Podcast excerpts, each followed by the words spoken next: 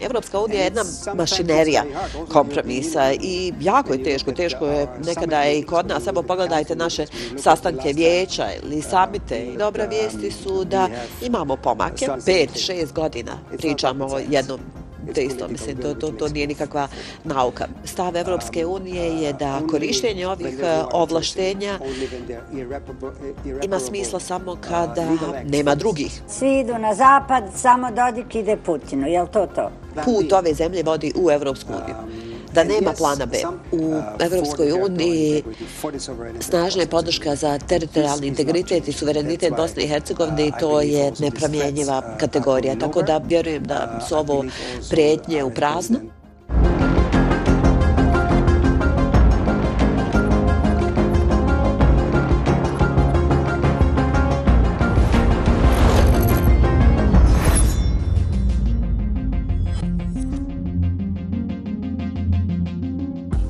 Predsjednica Evropske komisije Ursula von der Leyen, Mark Rutte i Andrej Plenković, premijeri nizozemske i susjedne Hrvatske, u posjeti su Bosni i Hercegovini u oči martovske odluke o otvaranju pregovora naše zemlje za članstvo u Evropskoj uniji, što je bio i razlog sastanka koalicijskih partnera u domaćoj vlasti prošlog četvrtka na imanju Milorada Dodika u Bakincima na doma Klaktaša. Iako su gotovo svi akteri suglasni da su jako blizu dogovora, lider SNSD-a je i na nepotpisani papir dodao svojevrsnu ucjenu. Ukoliko reagira OHR, ništa od dogovorenog ne važi.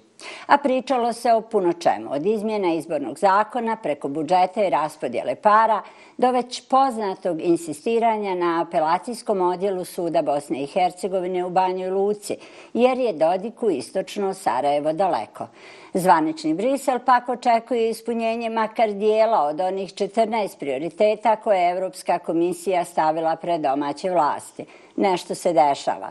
Iz vijeća ministara najavljen je nacrt zakona o sprečavanju sukoba interesa u institucijama Bosne i Hercegovine, zakon o sprečavanju pranja novca usvojen je u zastupničkom, ali još ne i u Domu naroda. Sporazum s Frontexom je u finalnoj fazi. Da li je to dovoljno? S nama je šef delegacije Evropske unije i specijalni predstavnik Evropske unije u Bosni i Hercegovini, ambasador Johan Sattler. U našoj je zemlji od septembra 2019. a prošle godine mu je produžen mandat. Ambasador Sattler, doktor je političkih nauka i magistar slavenskih jezika sa postdiplomskim studijem Diplomatske akademije u Beču. Bio je ambasador svoje rodne Austrije u Albaniji, a njegov fokus na Zapadni Balkan u Austrijskom ministarstvu vanjskih poslova, u kome je angažiran od 1996. preporučio ga je za dužnost šefa odjela za Zapadni Balkan pri tamošnjoj direkciji za istočnu i jugoistočnu Evropu. U vrijeme kada je bio u promatračkoj misiji Evropske zajednice 1997. boravio je u Sarajevu i Tirani. Hoću reći da nas i teorijski i praktično dobro poznaje. Dobro nam došli. Hvala. Hvala na pozivu i pozdrav svim gledalcima o kanala.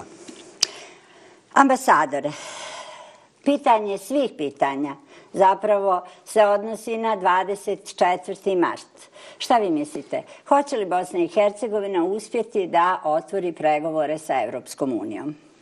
First of all, it's good to be here with you today. Svega, evo, uh, zadovoljstvo mi je sam, da sam danas ovdje s vama. Hvala vam još uh, jednom na pozivu.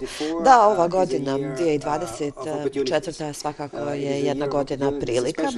Prilika prije svega za Bosnu i Hercegovinu. Evo i sami ste spomenuli ovaj martovski datum sjednice Evropskog vijeća koji okuplja svi 27 šefova država, zemalja članica.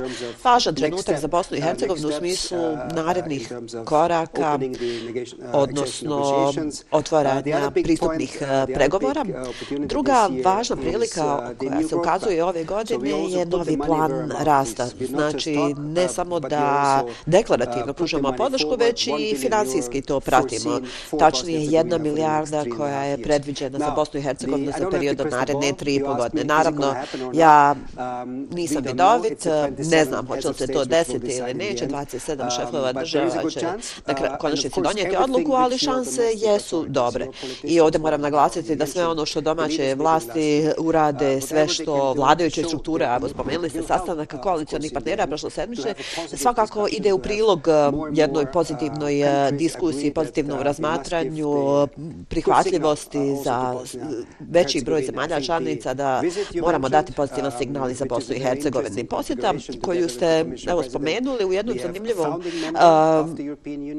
konfiguraciji imamo jednu od zemalja uh, osnivača, odnosno premijera ili nizozemske i našu najnoviju zapravo članicu na, uh, to je Hrvatska i dakle premijer Republike Hrvatske gospodin Plenković i to zapravo pokazuje naše jedinstvo, naše različitosti i svakako i ova posjeta je dobra prilika domaćim političarima da demonstriraju svoje opredeljenje spremno za naredne korake i da naravno da građanima pokažu da su ne samo spremni, već i sposobni da realizuju reforme. Evropska unija će, kažete, eh, demonstrirati jedinstvo.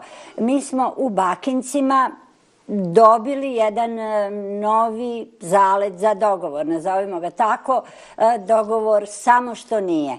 To je zaključak svih aktera. Šta vi kažete? Um,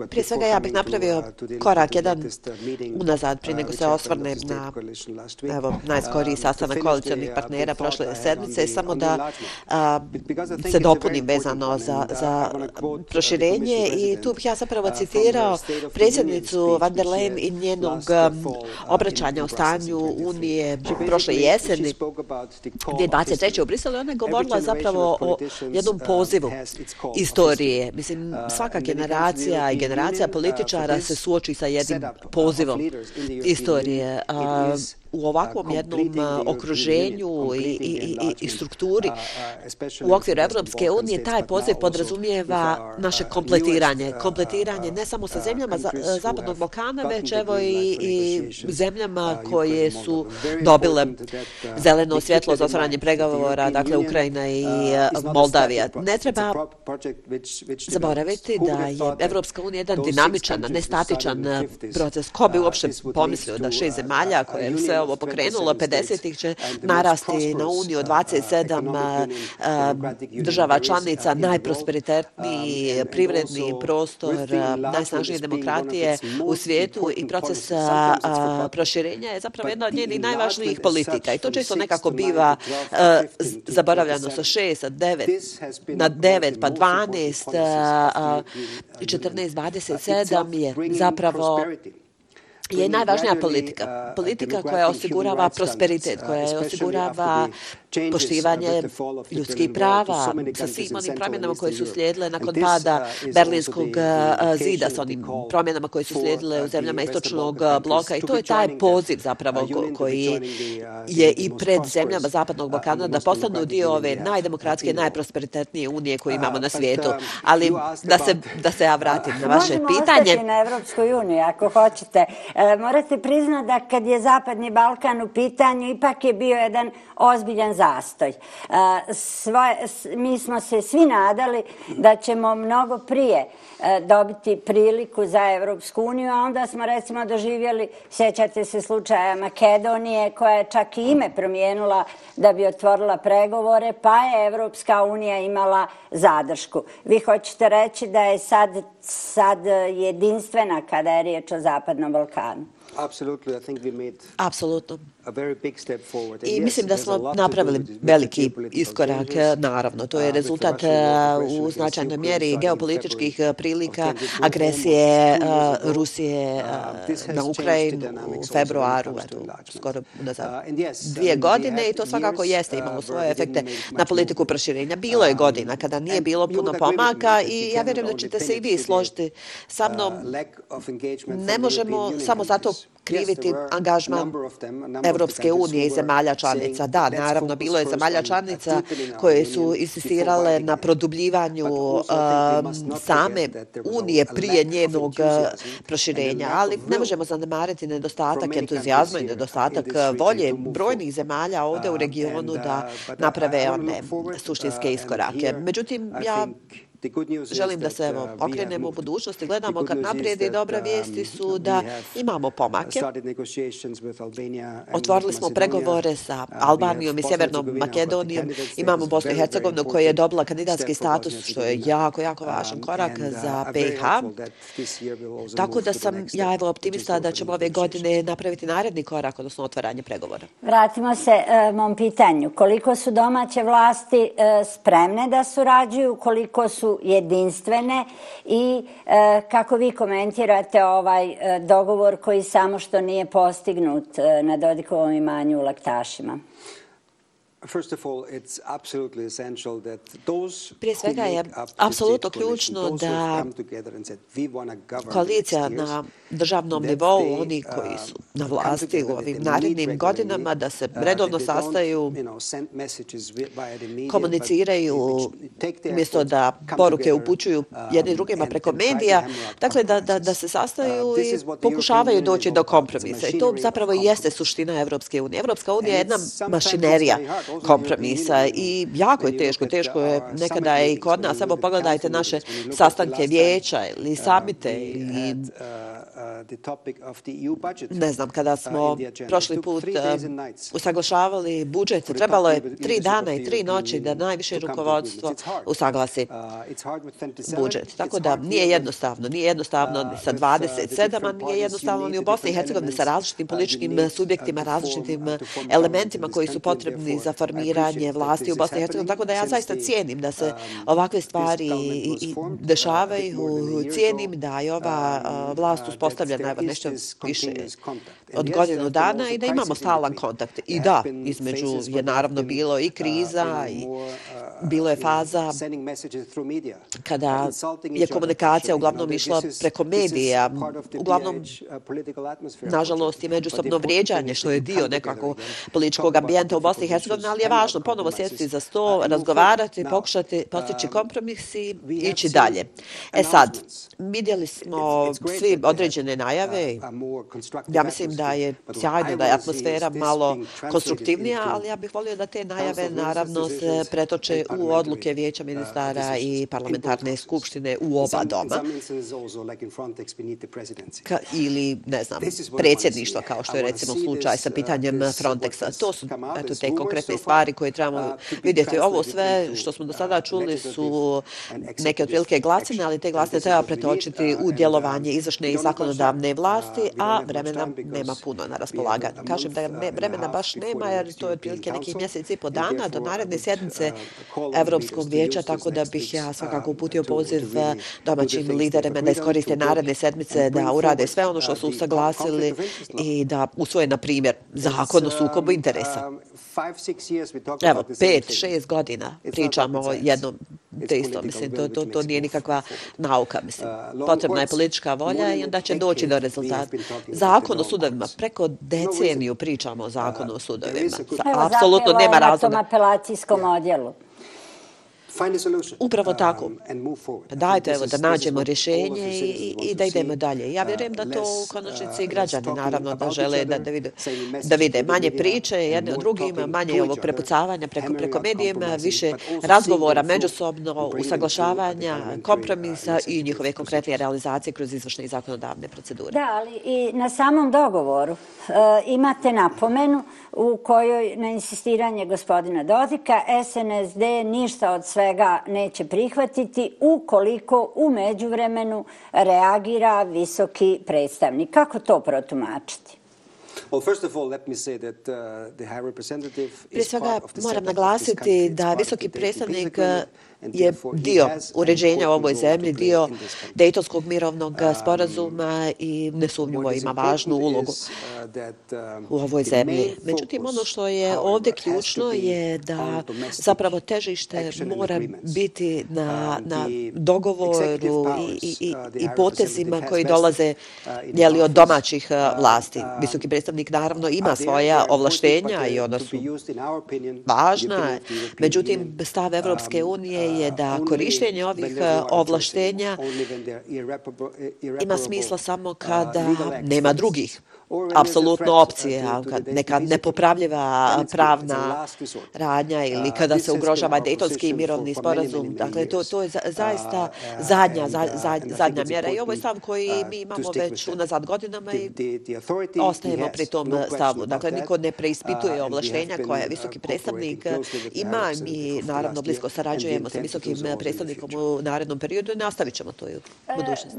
Meni se čini da se tu malo pojavljuju neke, neke dvije stvari. Jedna od njih je, recimo, ovaj dokument, pretpostavljam da ste ga i vi vidjeli, svi smo ga vidjeli, e, nije baš jako precizan kada je u pitanju zašta integriteta izbornog procesa.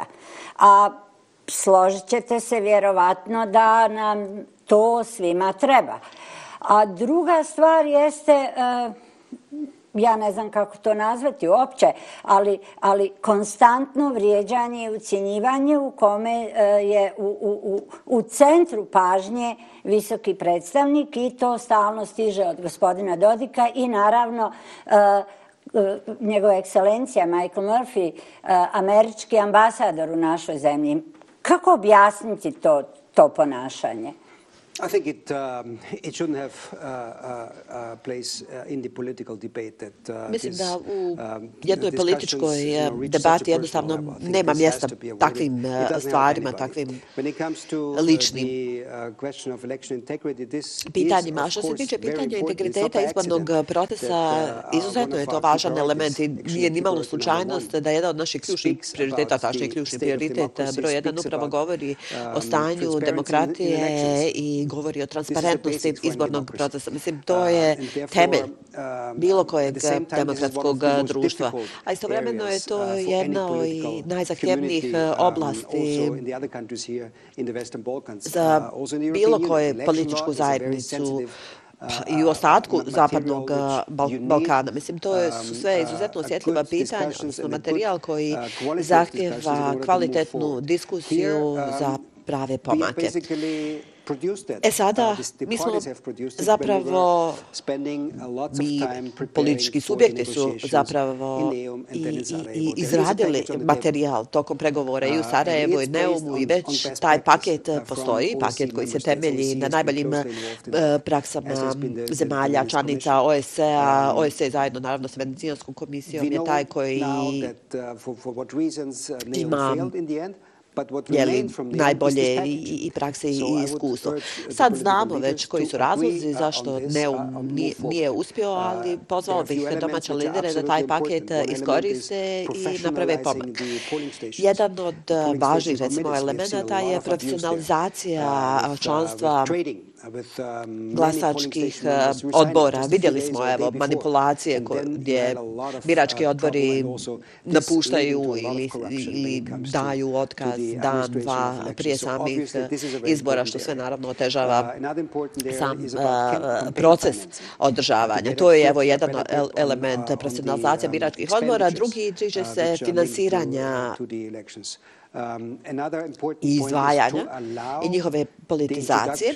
Potom um, element um, elektronskih uh, uređaja i mogućnost njihovog uvođenja. Naravno, neke politički subjekte misle da će elektronska rješenja sve riješiti, što nije tačno, s tim se ne bi uh, složio, ali svakako mogu pomoći u poboljšanju transparentnosti i suzbijanju uh, korupcije. Tako da zaista vjerujem da, da novi, odnosno izmjene i dopune postojećeg uh, izbornog zakona omoguće uvođenje ovih elektronskih aspekata u izbornih proces. Mislim, mi to svakako podržavamo sa svoje strane. Ja sam baš prošle sedmice imao sastanak sa Centralnom izbornom komisijom komisijom uručili smo jedan pilot projekt koji pomaže kod identifikacije birača putem otiska prsti, odnosno prenosa rezultata, jer znamo da se zapravo najviše neregularnosti dešava od zatvaranja birališta do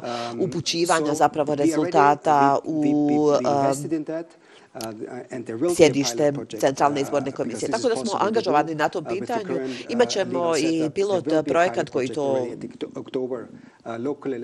koliko je to moguće u okviru zakonskih okvira i naravno u konačnici moramo imati razmatranje u okviru parlamentarne skupštine koji od tih elemenata moraju, trebaju biti uvedeni za izbore 2026. Ali vrlo je važno, kažem, i tu mogućnost uvesti. E, na ovom papiru koji smo mi vidjeli, oni ne spominju neom. Oni spominju da se ugledaju na Srbiju. A vi znate uh, jel, kako i evropski, uh, evropski posmatrači kako su reagirali na izbore u Srbiju. I druga stvar, i također bitna, uh, odnosi se i na datum. Uh, domaće vlasti traže kraj februara za izmjene izbornog zakona. Hoće li to biti dovoljno? Jer Centralnoj izbornoj komisiji ipak treba vrijeme da napravi podzakonske akte za onaj dio koji se odnosi već na sljedeće lokalne izbore. Uh, the first point, uh, uh, how I understood the talks which took place last week. Svatanje, evo, razgovora prošle sedmice i pozivanje na Srbije tiče se, ja mislim, strukture sastava Centralne izborne komisije. Dakle, pozivaju se na neke najbolje regionalne prakse, između ostalog i Srbije, koja uključuje predstavnike političkih subjekata iz vladajućih struktura, ali iz opozicije. Mislim da se u tom dijelu odnosi ovo pozivanje na Srbiju, a ne naravno na samo provođenje izbornog procesa koje je ostalo eto, uz određene neke upitnike. Što se tiče vremenske dinamike, vremena još uvijek ima. Najkasniji, naravno, neki datum do, za izmjene i dopune izbornog zakona bi bili do dana kada bi CIK proglasio izbore, dakle što je maj, odnosno najkasnije april, jer time bi se da, zapravo dala mogućnost, odnosno vrijeme Centralnoj izbornoj komisiji da organizuje sam izborni proces. Međutim, prema mojim saznanjima i razgovoru sa kolegama i CIK, naravno u idealnim nekim situacijama bi to bilo u godini koja nije izborna, godina, ali dobro, evo, ima i kod nas slučajeva od zemljama članicama gdje se u izbornoj godini mijenja izborni zakon, ali uglavnom da treba imati vremena da se pripremi. Jeste li tražili od izborne komisije da se suzdrže od eh, pozivanja visokog predstavnika da on nametne izmjene? Uh, we didn't talk uh, about uh, impositions. Um, Nismo razgovarali na temu nametanja.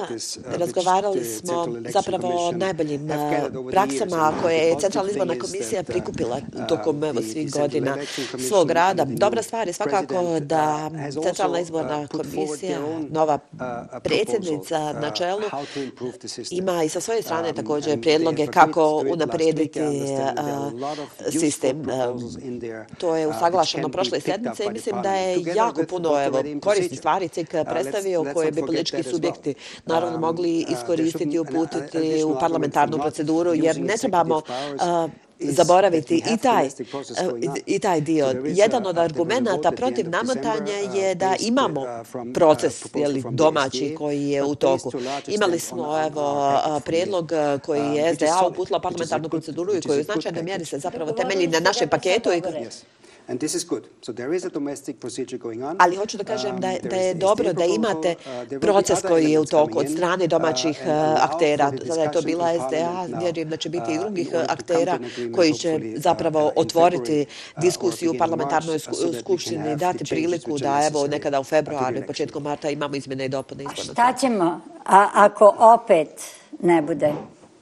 Jer sad se čini da je ponovo uvođenje priče o cenzusu koji je e, na lokalnim izborima 4% i o, e, na općim izborima bi bio 5%. E, po nekim komentarima koji su se mogli čuti posljednjih dana, ova, ova, ova dva udarna dana, jel, od kad su se mm. sastali i dogovorili oko tome, e, već se moglo čuti da je to političko finale etničkog čišćenja. Mm. Dakle, to se pogotovo odnosi na prostor Republike Srpske. Mm. Kako ako se opet ne dogovore? Don't want to get ahead of myself and, and speculate what if. Ne bih da um, I want to rather use the political energy uh, to come to an agreement. And I think there is a good chance šta bi bilo ili kad bi bilo. Um, Moje je da radim na postizanju uh, političke uh, saglasnosti i sporazuma oko izbornog zakona, uključujući, kažem, um, i izmjene u smislu biračkih odbora, elektronskih aspekata i Što se tiče Praga, izbornog, uh, treba i tu vidjeti koji su najbolje uh, prakse. Uvijek je tu pitanje, naravno, i političke stabilnosti. Ako nemate izbornog Praga, znam da je to svakako jeste slučaj u nekim zemljama članca Evropske unije, da takve stvari dovede do političke nestabilnosti. Ako imate previše političkih subjekata, ako jeli, nema zadovoljavajuće izbornog praga za ulazak recimo u parlament na državnom nivou. Ali dobro, nije na meni svakako. Parlament treba... Je li evropska praksa da se zakonom natjeraju birače da idu na izbore?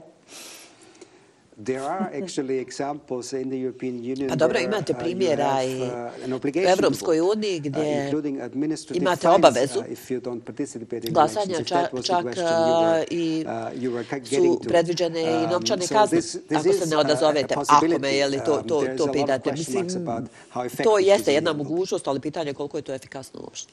E, mi onako imamo velike probleme sa iznimno velikim brojem nevažećih listića. Već sad se čuju procjene da bi se oni u tom slučaju povećali. Priča o zatvaranju listi je, e, tako, ona je ranije jel, u nekoliko navrata delegirana. E, međunarodne institucije nisu bile za e, opozicija, naročito u Republici Srpskoj je e, smatra da je, da je to jedno od rješenja s obzirom na to da čuli ste jel, za čuvenu aferu pa, kupovine papaka koja se, koja se proširila na cijelu državu. Hoću reći da e, najjače stranke i bije, i bije glas da su oni ti koji kupuju, e, kupuju poslanike. Mislite li da se sve to e, može i izanalizirati i dogovoriti i pripremiti za eto, skoro mjesec, mjesec i po?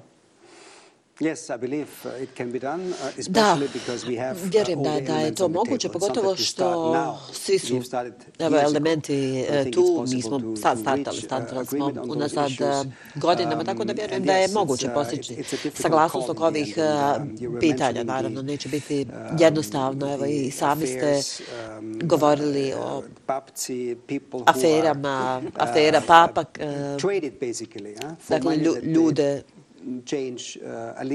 koji uh, za novac prelaze iz um, jedne stranke u drugu, tako da svakako uh, jeste ta, taj fenomen, nije nepoznat na ovim prostorima. Sa druge strane je tu vrlo jedan čust stav um, OSCE-a, OSCE-a kao organizacije koja i primarno radi na, na pitanjima izbora i oni govore um, o svetosti jeli, mandata u okviru pojedinca, da, da to nije nešto što pripada političkim subjektima stranci. Da hajmo malo se baviti opet Evropom, e, odnosno našim odnosom prema Evropi. E, svjedočimo vrlo izraženoj antizapadnoj kampanji. E, kada to kažem, ne mislim samo na Bosnu i Hercegovinu, mislim na cijeli region, ali i kod nas je E, sve, sve primjetnija. Kako je objasniti? Čemu to kad znamo da, da oni, one, oni e, e kolone, vozovi, autobusi mladih ljudi koji napuštaju Balkan zapravo idu na zapad? U, u, u vašoj Austriji su, smo posebno brojni. Mislim da uh, živimo i svjedoci smo turbulentnih uh, vremena, um, cijeli niz kriza, ratova, od, ne znam, pandemije COVID-a koja je pogodila cijeli, cijeli svijet i, i zaista protresla do kosti, pa evo, agresije Rusije na Ukrajinu, rata na Bliskom istoku, dakle, jako, jako puno kriza koje se istovremeno dešavaju. i što naravno utiče i na javno mjenje i Uh, want. taj um, jedan snažni antizapadnjački sentiment. Naravno, ima to neke uh, veze i sa nekim novim tehnologijama i ovim savremenim um, komunikacijskim kanalima, prije svega um, društvenim mrežama. How to say? I mean, there is, there is, it's much more confrontational I nekako komunikacija je mnogo više konfrontacijska, ako mogu tako reći, nego nešto čemu smo svjedočili u ranijim periodima. Ako pogledate brojke za Bosnu i Hercegovinu, što se tiče podrške za Evropsku uniju, te brojke su još uvijek dobre i stabilne. Nekih 70% građana je za evropske integracije. Naravno, to je mnogo veći procenat u federaciji, nekih 85 pa i 90%, ali u RS-u je to preko polovine stanovništva i otprilike te brojke su stabilne unazad godina. Evo, vi ste govorili o odlasku stanovništva, autobusi koji odlaze za zapadnu Evropu, redove ispred ambasada Njemačke, Austrije, Italije. Ja ne vidim redove ispred ambasade Rusije. Mislim da i to vrlo jasno pokazuje gdje građani ove zemlje, gdje mladi smatraju da pripadaju i gdje zaista pripadaju i gdje vide svoju budućnost u kojim zemljama. Tako da i to ne treba zaboraviti. Sa jedne strane, da, evidentno je snažni taj antizapadnjački sentiment, ali istovremeno to je malo i realnost ovih modernih komunikacija. Da, kako objasniti uh, toliku odanost vlasti Republike Srpske Rusiji? I think it's partially uh, to be explained with, Mislim da uh, dio objašnjenja soft power with uh, the Orthodox Church leži uh, u ovim takozvanim soft Um, moćima povezanosti pravoslavne crkve istorijom. Međutim, ako ćete pitati nekoga iz Republike Srpske gdje se vide za 20 godina, gdje idu na odmor, gdje će im djeca studirati, ja mislim da, da, da su odgovor isti kao i u federaciji. Hoćete da kažete da svi idu na zapad, samo Dodik ide Putinu, je li to to? Opet čekamo, rekao je da će, ona, ona posjeta od novembra je prebačena, ako se ne varam, za april. Čim otvorimo pregovore s Evropskom unijom, on će u Rusiju. Dobro. Ne može, e, možda je iznenađenje, možda za mene jeste, možda za vas i nije, ali e, ne može se ne primijetiti da je i iz redova SDA, odnosno od lidera stranke demokratske akcije, e, sve izraženija slična retorika kada su u pitanju zapadne integracije. Nedavno je u dva saopćenja o, o visokom predstavniku i američkom ambasadoru otprilike govorio kao i Dodik. Zašto?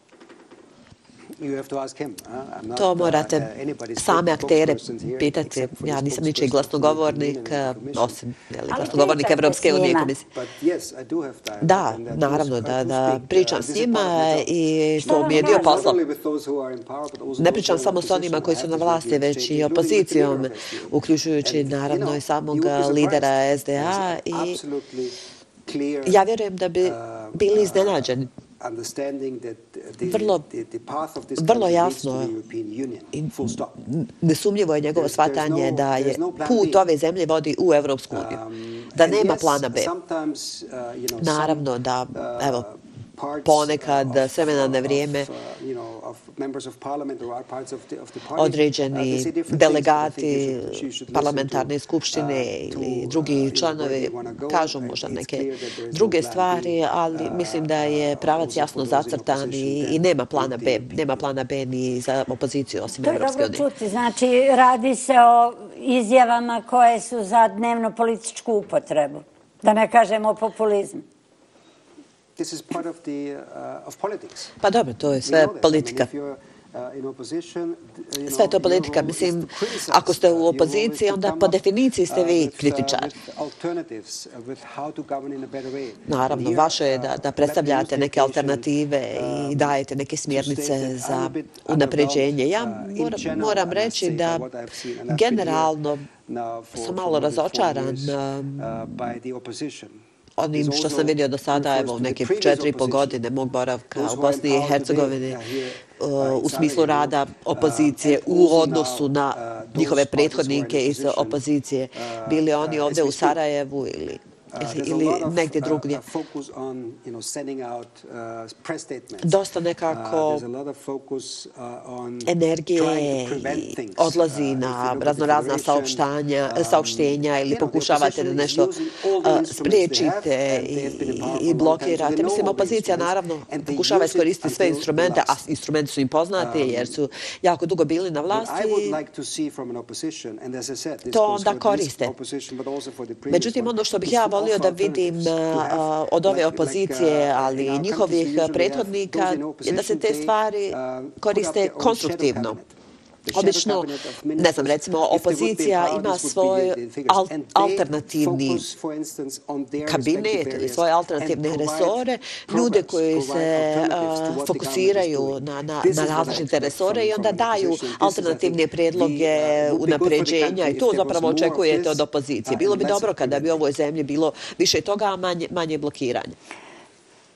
U Narodnoj skupštini opozicije gotovo da i nema. Ali je Narodna skupština u posljednje vrijeme usvojila dva zakona koji su e, antievropski, najblaže rečeno, i pri svemu tome e, zaprijetila još nekim. Vi, vi ste i nedavno bili u Banjoj Luci, pretpostavljam da razgovarate e, da razgovarate i sa rukovodstvom Narodne skupštine, kako i sa gospodinom Dodikom, kako oni vama objasne E, zašto se opredjeljuju, zašto donose te zakone ako već jesu za evropski put? Uh, ne samo da idem u posjetu, već i u prošloj godini smo organizovali dvije konferencije koji su se konkretno bavili ovim pitanjima. Dakle, jedna tema kriminalizacija klevete, a druga te takozvani strani agenti. Nisam bio sam, sa mnom je bilo još deset kolega ambasadora, zemalja članica Evropske unije koji su iskazali svoju podršku organizacijama civilnog društva, nevladinim organizacijama, iznijeli svoju argumentaciju, što je naravno podjednako važno, razgovarali sa vladajućim strukturama u Republice Srpskoj.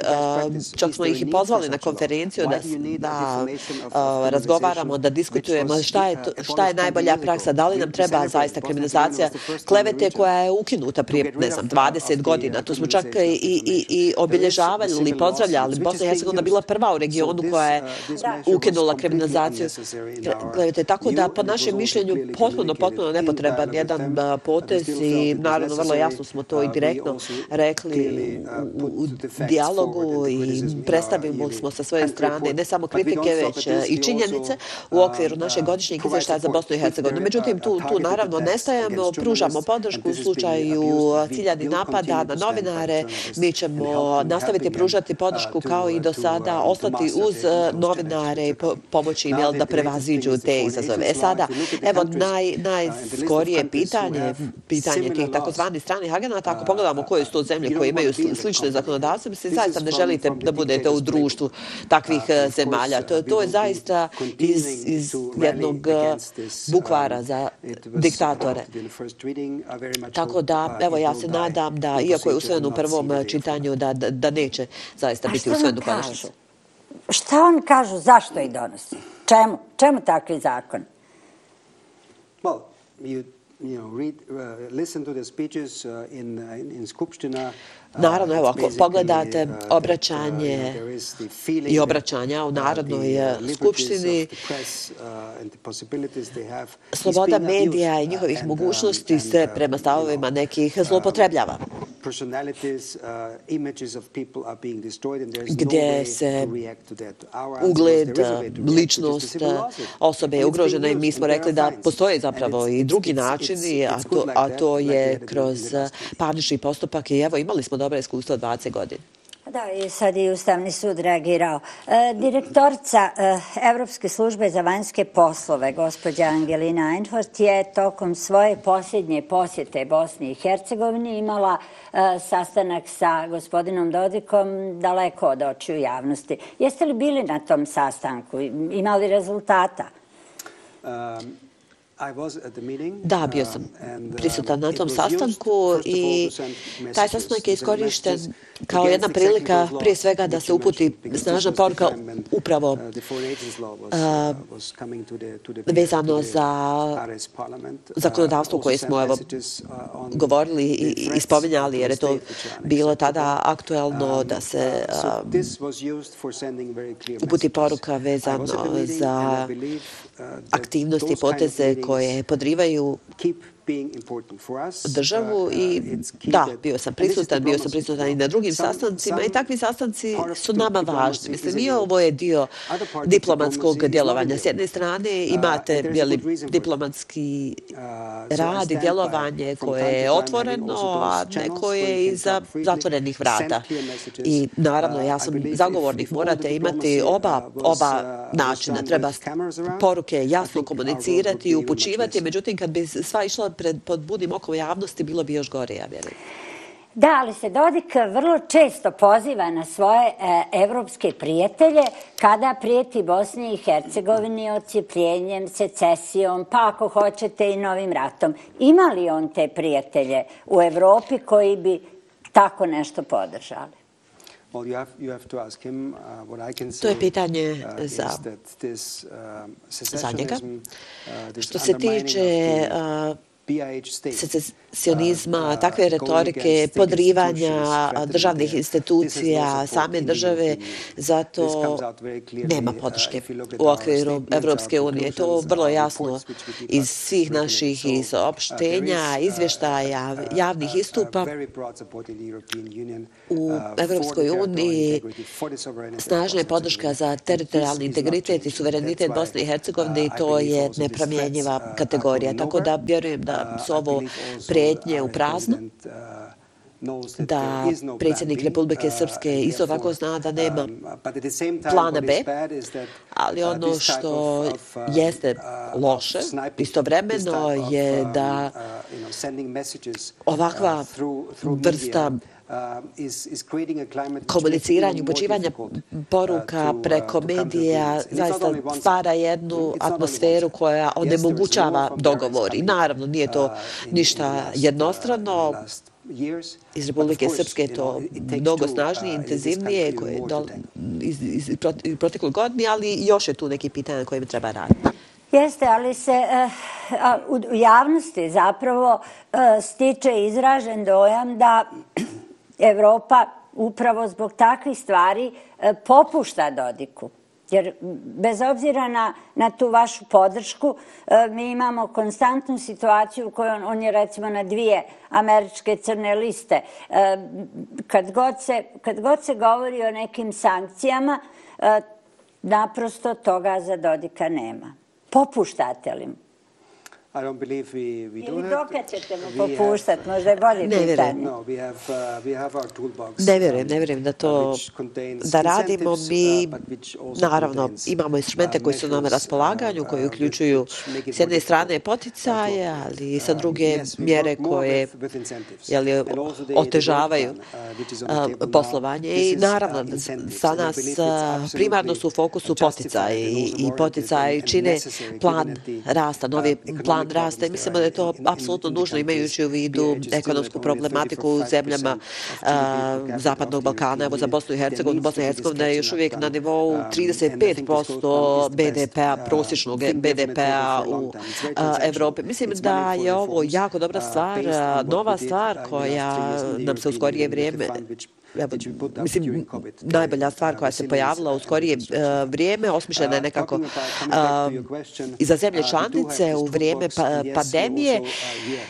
i pokazala se jako dobro. Međutim, da se vratim na vaše pitanje, da, imamo instrumente koji su nam na raspolaganju, u nekim slučajevima djelujemo, naravno, potreba saglasnosti svih zemalja članica nekad otežava neke odluke, ali ne mogu da vas ne podsjeti na zaista značajne, značajne projekte koje smo suspendovali u Republici Srpskoj prije godinu i po i to infrastrukturne projekte, željeznička pruga, koridor 5C, odlučeno je da se ne ide s tim projektima upravo zbog podrivanja državne strukture i institucija. Tako da evo djelujemo kada ima razloga. I složit ćemo se. E, I ta kazna zapravo nije kazna Dodiku, nego je kazna narodu u Republici Srpskoj. Zar nije tako? It's not only, uh, I do not agree with that. I think it's, uh, ne bi se složio s tom um, um, and, uh, targeted formulacijom, mislim da je to bila vrlo ciljana mjera, simbolična mjera na osnovu reakcija rukovodstva Republike Srpske. Evo, vjerujte mi da im je i tekako stalo od ovih infrastrukturnih projekta. Pa jeste stalo, ali ti infrastrukturni projekti trebaju ljudima. E, Dodik će se snaći, on, on sebi samo bezvijedi infrastrukturu kao i, i drugi političari.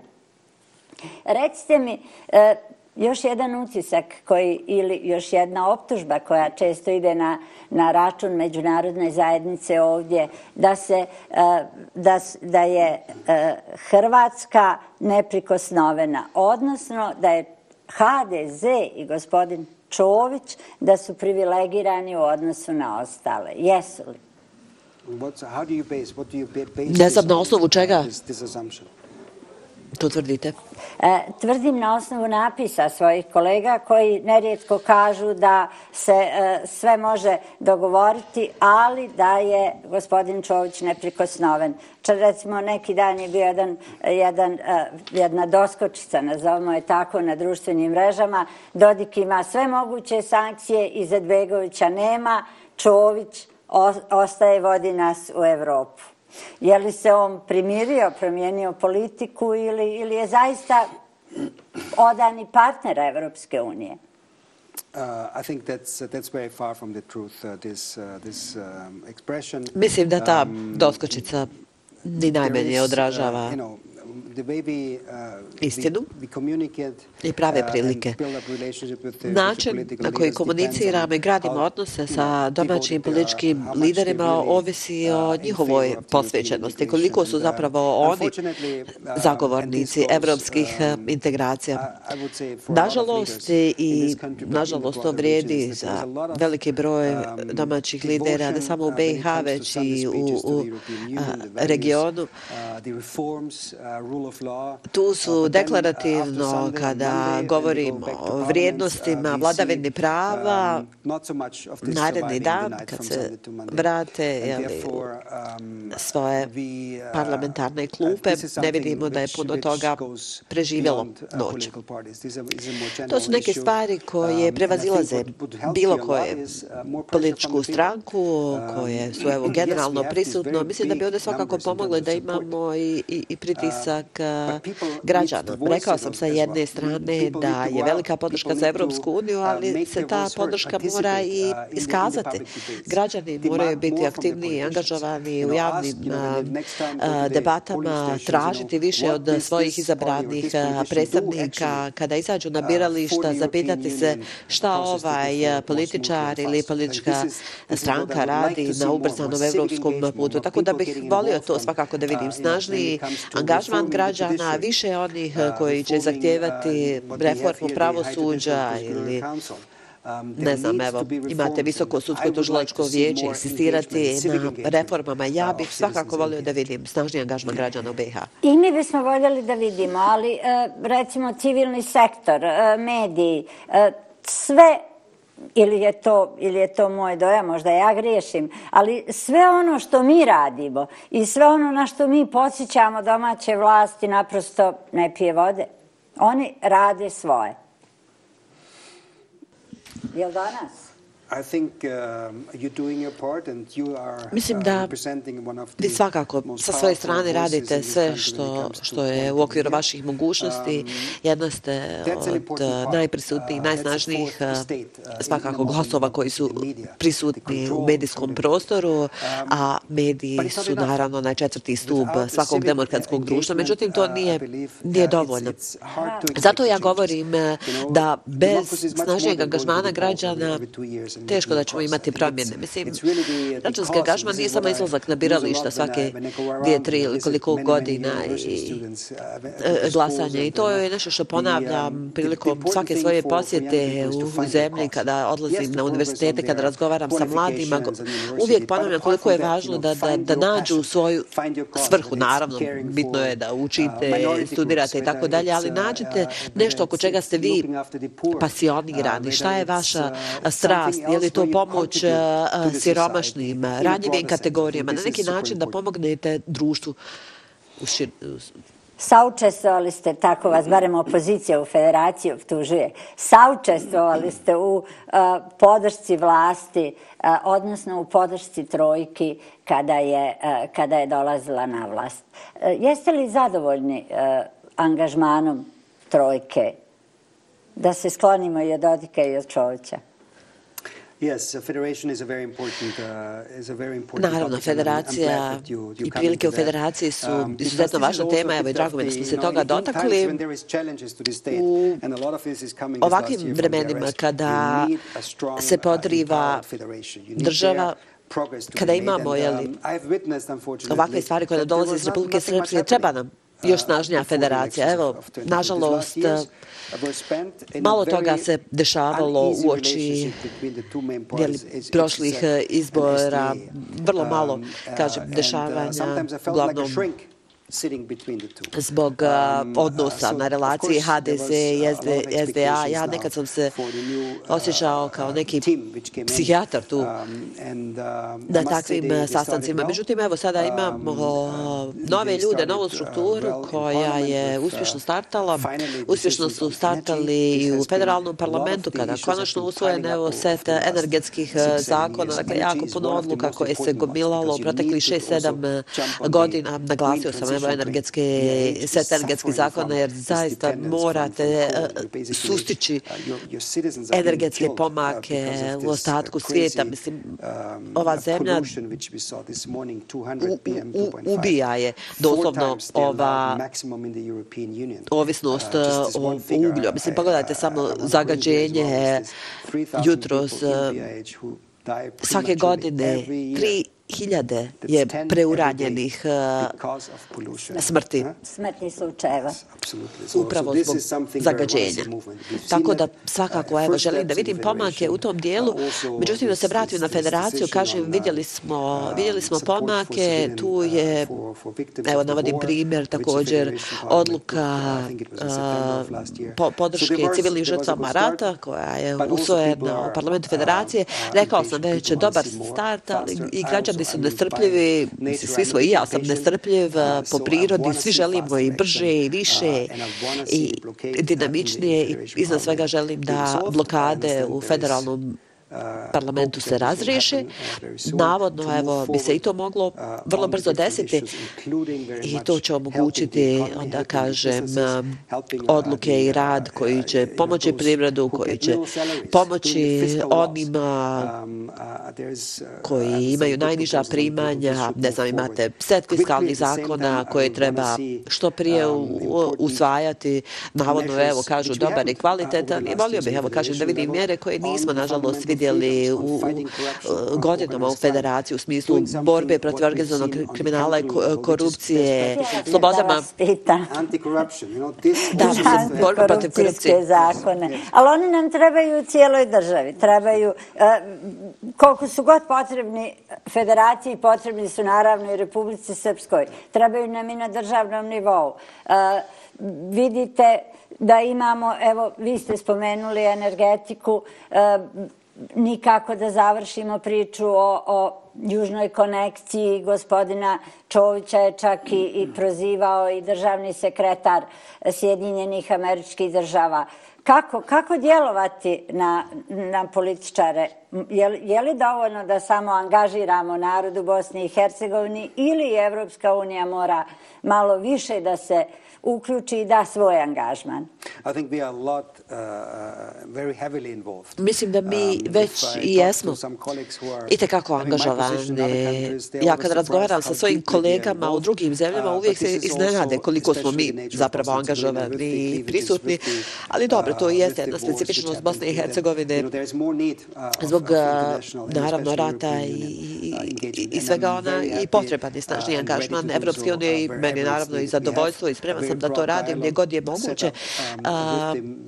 Imamo naravno i uspostavljen jedan format dijaloga sa vladom federacije kako bi zajednički radili na ubrzanom napretku u korist građana federacije. Ista stvar naravno i za državni nivo. Vrlo je je dobra stvar, ne znam, evo recimo imate dobar eh, zakon o slobodi okupljanja u Brčkom distriktu, ali želite da to vidite i u ostatku zemlje. Tako da moramo imati pomake, pomake uh, u smislu antikorupcijskih zakona, sukobu interesa, prije svega na nivou Bosne i Hercegovine, jer se jako dugo čekalo, čekalo na to. Evo, sporazum je navodno postignut, ali ću vjerovati kad ga vidim u svenu.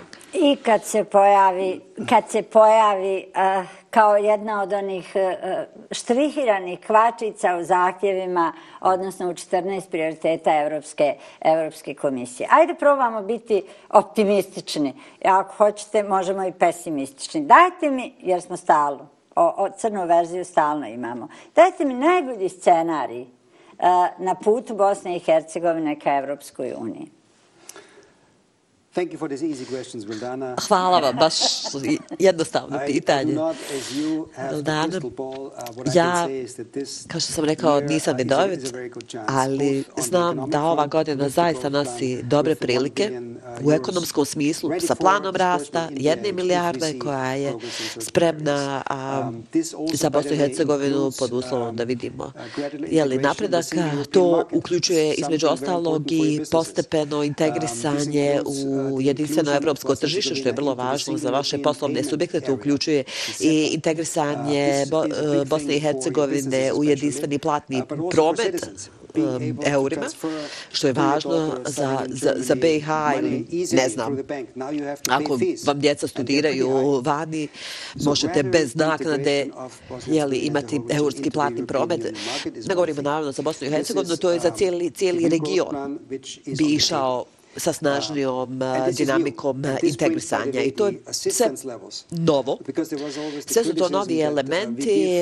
Vi ćete se sjetiti kritika da mnogo više novaca damo zemljama kada onda kada postanu članice, više nego jeli, zemljama koje su na putu ka, ka članstvu. I taj argument jeste imao neko svoje utemeljenje. Sada sa novim planom rasta povećavamo zapravo podršku zemljama koje su korisnice kohezionih fondova. To je jedan aspekt. Drugi aspekt je naravno proces pridruživanja, odnosno mogućnost otvaranja pregovora i ja se najiskrenije nadam pozitivnim vijestima ove godine. A ovo ostalo naravno je u rukama vaših domaćih političara, njihove spremnosti da donesu teške odluke. Što se nas tiče, kao što je to naglasila predsjednica van der Leyen, mi smo vrata širom otvorili govorili, na vama je sada da prođete kroz ta otvorena vrata. Neće se to desiti preko noći. Mislim, pravna stečevina, što je otprilike nekih 100.000 pravnih propisa plus minus je ne, nešto na čemu je li treba raditi doslovno svakog dana. Ali, dobro, sve je to dio procesa i sve je to dio procesa pristupanja i zapravo najveći benefiti dolaze u preuzimanju pravne stečevine. A ako pogledate jeli zemlje koje su postale članice, deset onih dvije i četvrte, ali ja tu naravno govorim o zemlji koja me najbolje poznata, moja rodna Austrija, 95. 95. one tri, četiri godine prije samog formalnog članstva, najveća promjena, najveća transformacija u društvu, u privredi, otvaranju tržišta, uvođenju evropskih evropski standarda dolazi je li u tom u tom trenutku tad su najveće promjene. Vrlo je važno da nije samo cilj, već i put do tog cilja. Tako da, evo, zaista velika šansa, velika prilika, uvjerena sam u to za Bosnu i Hercegovinu narednim godinama. Mi se nadamo i navijamo. Koliko to ovisi o našim susjedima, jer e, Evropa je očito sad e, na neki način se pokazuje zainteresovanost za paket Balkana.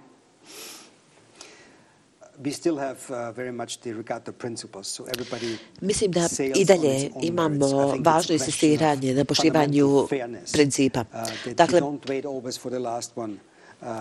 ne možete čekati na one koji, koji su jeli zadnji da bi vi um, jeli, ostvarili one pogodnosti članstva. Dakle, svako po zaslugama napreduje. Naravno da je lakše ako imamo pomake ne samo u jednoj, već i dvije, tri, četiri, četiri zemlje, ali zaista iskreno vjerujem da u ovom trenutku imamo šansu, prave prilike, imajući u vidu odluke koje su donesene prošle godine vezano za, za, za Zapadni Balkan, da, da imamo mogućnost ubrzane dinamike. I evo upravo danas je u toku summit uh, u Skopju. Svi šest zemalja Zapadnog Balkana su, imaju svoje predstavnike uh, koji razgovaraju na temu novog plana rasta, evropskih integracija i to je dobar, dobar znak da se sad redovno sastajemo, razgovaramo u decembru u oči same sjednice Evropskog uh, vijeća kao najvišeg tijela jeli, šefova država. Dva dana prije toga je bio summit 27 zemalja članica i šest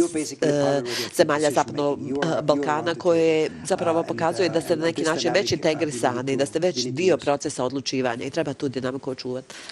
Mi se nadamo i navijamo. Ambasadore, hvala vam lijepa. Hvala na gostovanju. Mi ćemo, kao i do sada, pomno pratiti svaki pomak Bosne i Hercegovine na našem zajedničkom euroatlantskom putu. Ostanite s nama uz naše oslobođenje i o kanal. Pratite naš portal oslobođenje.baj i naše podcaste. Vidimo se narednog ponedjeljka, direktno pa šta bude.